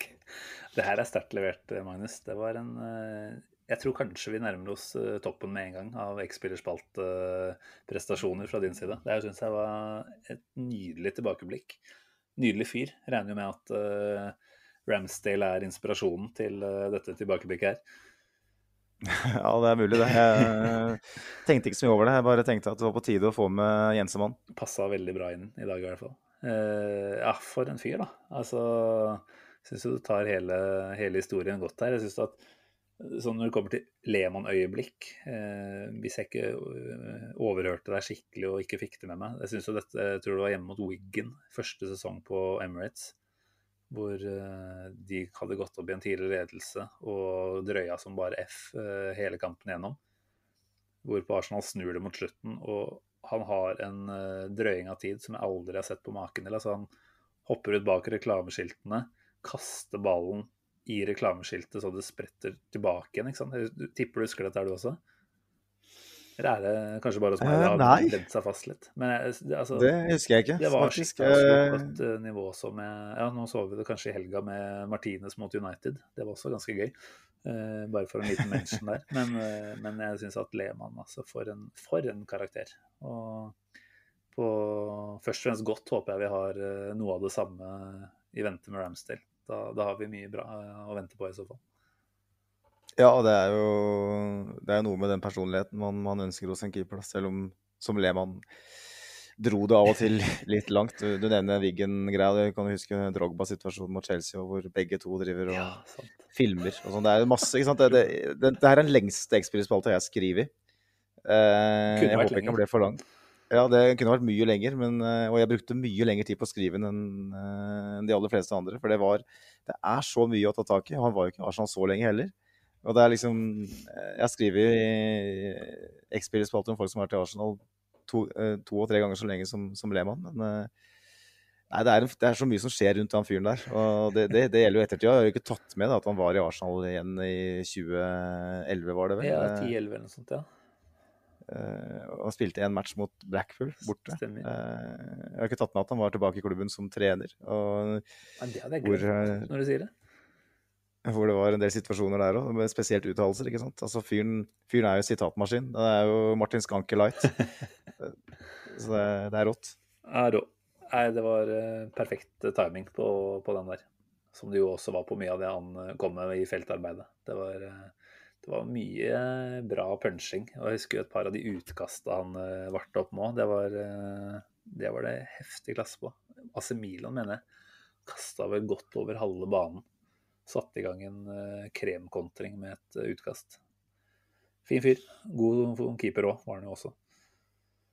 Gal fyr. Jeg, jeg, vet ikke om jeg ville ha Jeg vet ikke om jeg ville ha bodd i kollektiv med han i mer enn to uker, men jeg, jeg, vet ikke om han er så enkel å ha med å gjøre, men som keeper åpenbart perfekt ja. for Arsenal på det tidspunktet. Ja, enig.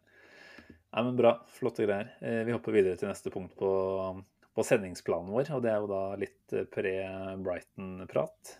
ikke at det skal bli for mye av det, det er jo en hel uke fram i tid nesten, så, så vi får ikke ta helt av med spådommer og sånt. Men fakta når vi sitter her en uh, søndagskveld, er jo at Pal nei, Palace ja, og Brighton møtes uh, i morgen kveld, altså mandag kveld. Og hvis Brighton vinner den, så er de faktisk ligaleder når vi spiller uh, borte på Amex Stadium lørdag kveld klokka halv sju. den hadde du ikke trodd, altså. Graham Potter har jo fått mye skryt, og alt av underliggende tall tyda på at de fikk latterlig dårlig betalt i fjor. Eh, nå har de kanskje fått litt godt betalt, i hvert fall den Brentford-kampen som de vant eh, her forleden. Eh, litt usikker på hvordan det har vært totalt i kampen deres, men uten tvil så får vi en tøff oppgave. Men er det kanskje også lov å håpe at et Brighton i såpass god medvind som de er uansett resultat mot Palace, er en mer foretrukken motstander for Arsenal enn et lag som bare blir liggende bak og, og gjør det vanskelig? Ja, altså jeg liker jo å se Arsenal mot lag som eh, er mer ambisiøse, for da føler jeg at da får vi litt mer eh, rom. Altså Arsenal mot etablert, det har jo vært et kjempeproblem. Men eh, vi så jo Brighton i hele fjor. Eh, det er jo få som klarer å markere sin identitet på laget bedre enn Graham Potter i Premier League. Eh, man vet hva man, går, man får, men samtidig så er det veldig vanskelig å spille mot. Mm. Og man venta bare på at man skulle få en, en bedre spiss. Eh, sånn at en Neil Mopé og Danny Welbeck Men eh, nå har jo Danny Welbeck til og med drevet og skåra her, har jeg sett. Så, eh, ja, for de fikk vel ikke noe bedre spiss, gjorde de det? Nei, de gjorde vel ikke Nei, det. Så... Det var vel det han Nå husker jeg dessverre ikke navnet på supportlederen til Brighton, som vi hadde på besøk. Ron, Ronny Aukrust, Ronny Aukrust, ja. Uh, han meldte jo det at han håpa at de pengene for Ben White kunne brukes bl.a. på en god spiss, men det, det fikk de ikke til. Eh, Nkete var jo nevnt der, men jeg eh, vet ikke hvor nærme det var. Men uansett, altså produserer de jo ikke altfor mye mål, men de er jo bunnsolide. Har vel sluppet inn tre eller fire mål nå i Premier League bare. Så... Ja, og han var jo inne på det, han Ronny, når han var der òg, at uh, han var ikke så bekymra over å miste Ben White. Nei. Og det var litt sånn, tenkte hvorfor kan du ikke bare si at du syns det er kjempetap? Da, sånn at vi får litt mer håp eh, sånn sett. Men uh, man har jo fått rett i det så langt, i hvert fall. Uh, det, er, det sier litt noe om kollektivet, da. At uh, man har en identitet hvor man, man, klarer å sørge for at de spillerne som til enhver tid er på banen, etterlever det. Og jeg har jo sagt, sagt et par ganger nå at hvis, hvis det ikke skulle lykkes for Ariteta, så så må Graham Potter være helt, helt kandidat. Mm. Uh, han har jo bare gått steg for steg som, som, manager nå helt siden han var i Østersund, og sikkert før det òg. Og slo Arsenal på Emirates. Ja, det har han gjort eh, flere ganger òg. Så nei, han er en bra type. Og Brighton det blir en kjempetøff kamp, men uh, vi går jo inn i den kampen nå med, med selvtillit og litt sånn følelse av at eh, akkurat nå så kan vi kanskje slå hvem som helst da, uh, etter den kampen her. Uh, jeg håper jo det, at det er litt sånn. Altså Hvis du føler det, så skal ikke jeg ta fra deg den følelsen her. For det er ikke ofte du sitter og kjenner på den type uovervinnelighet, tror jeg. Så, så jeg tenker at den håper jeg også Arsenal-spillerne tar med seg inn i, inn i den bortekampen her. Ja. Det er det trynet til Ramsdale ikke sant, som får deg til å føle litt sånn, det er litt sånn Du blir litt sånn sugd mot deg på et vis. Sånn, å, ja, du har noe i, det, i de øya der som sier at vi skal ikke slippe inn mål. Han har, har han sluppet inn mål ennå? Ja. Han har vel ikke det? Hæ? Hva er det vi snakker om? Ja, han slapp inn i dag, ja. Han åpenbart inn i dag, da. Jeg har glemt det målet allerede. Der ser du hvor positiv jeg er, Simen. ja, nå har du mista det helt.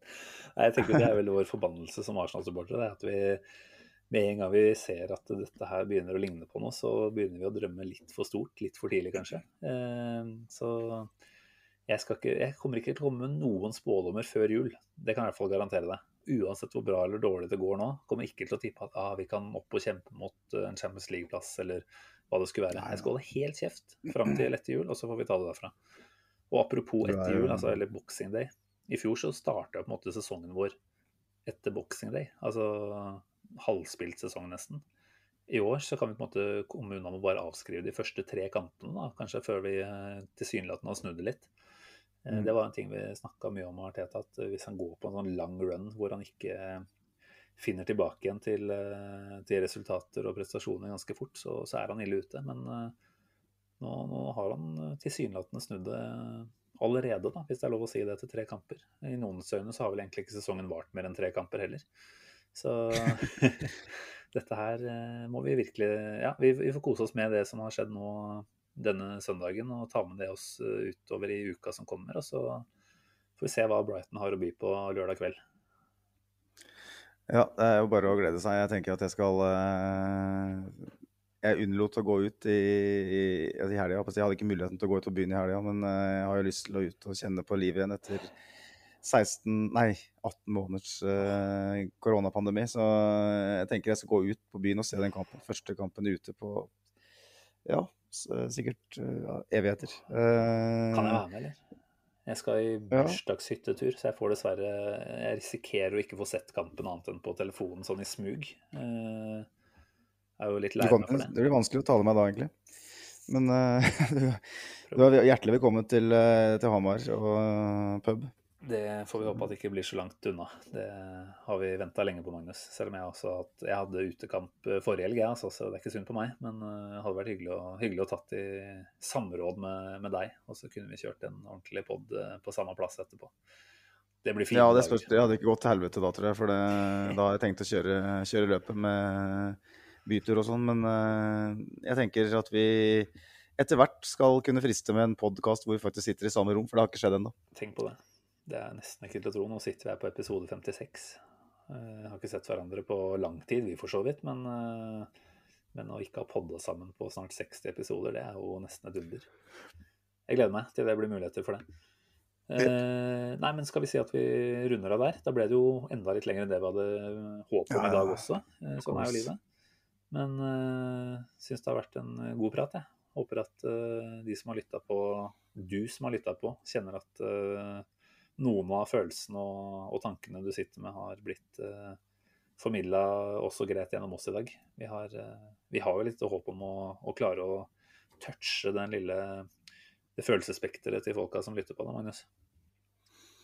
Ja, vi skal jo på en måte være representativt for, for, for fansen på et vis. Vi er jo fans sjøl, så håper jo det. Og til eventuelt nye lyttere òg, så, så, må vi bare si det at dere må eh, ikke Hva skal jeg si? Ikke miste, miste, troa, selv om vi av og til kan eh, miste, miste litt her. Eh, vi, vi, vi, prøver å kjøre inn episoder hver, eh, hver uke, og som sagt, eh, vi har da startet samarbeid med, med Arsenal Norway, eh, den offisielle supporterklubben her hjemme i Norge.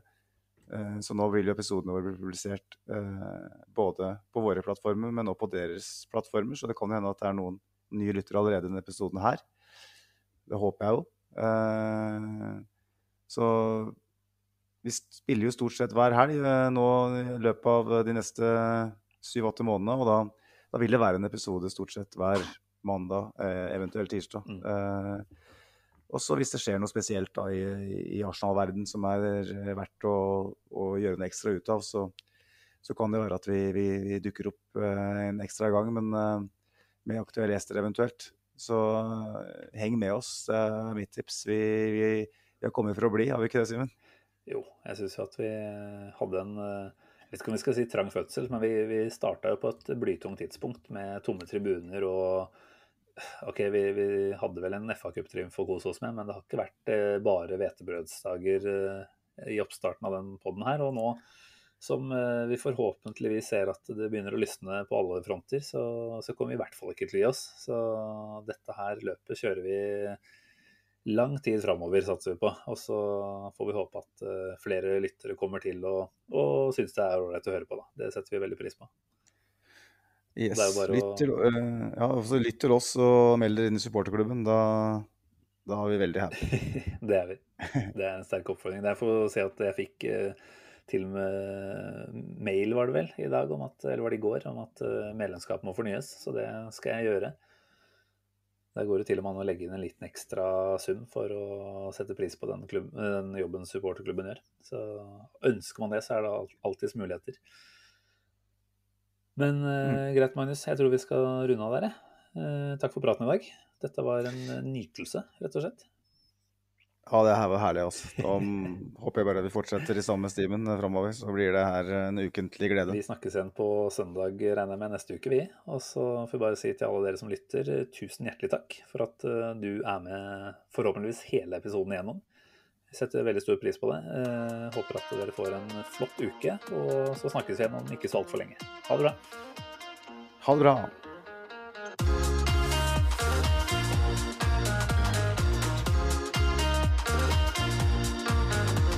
This train terminates here.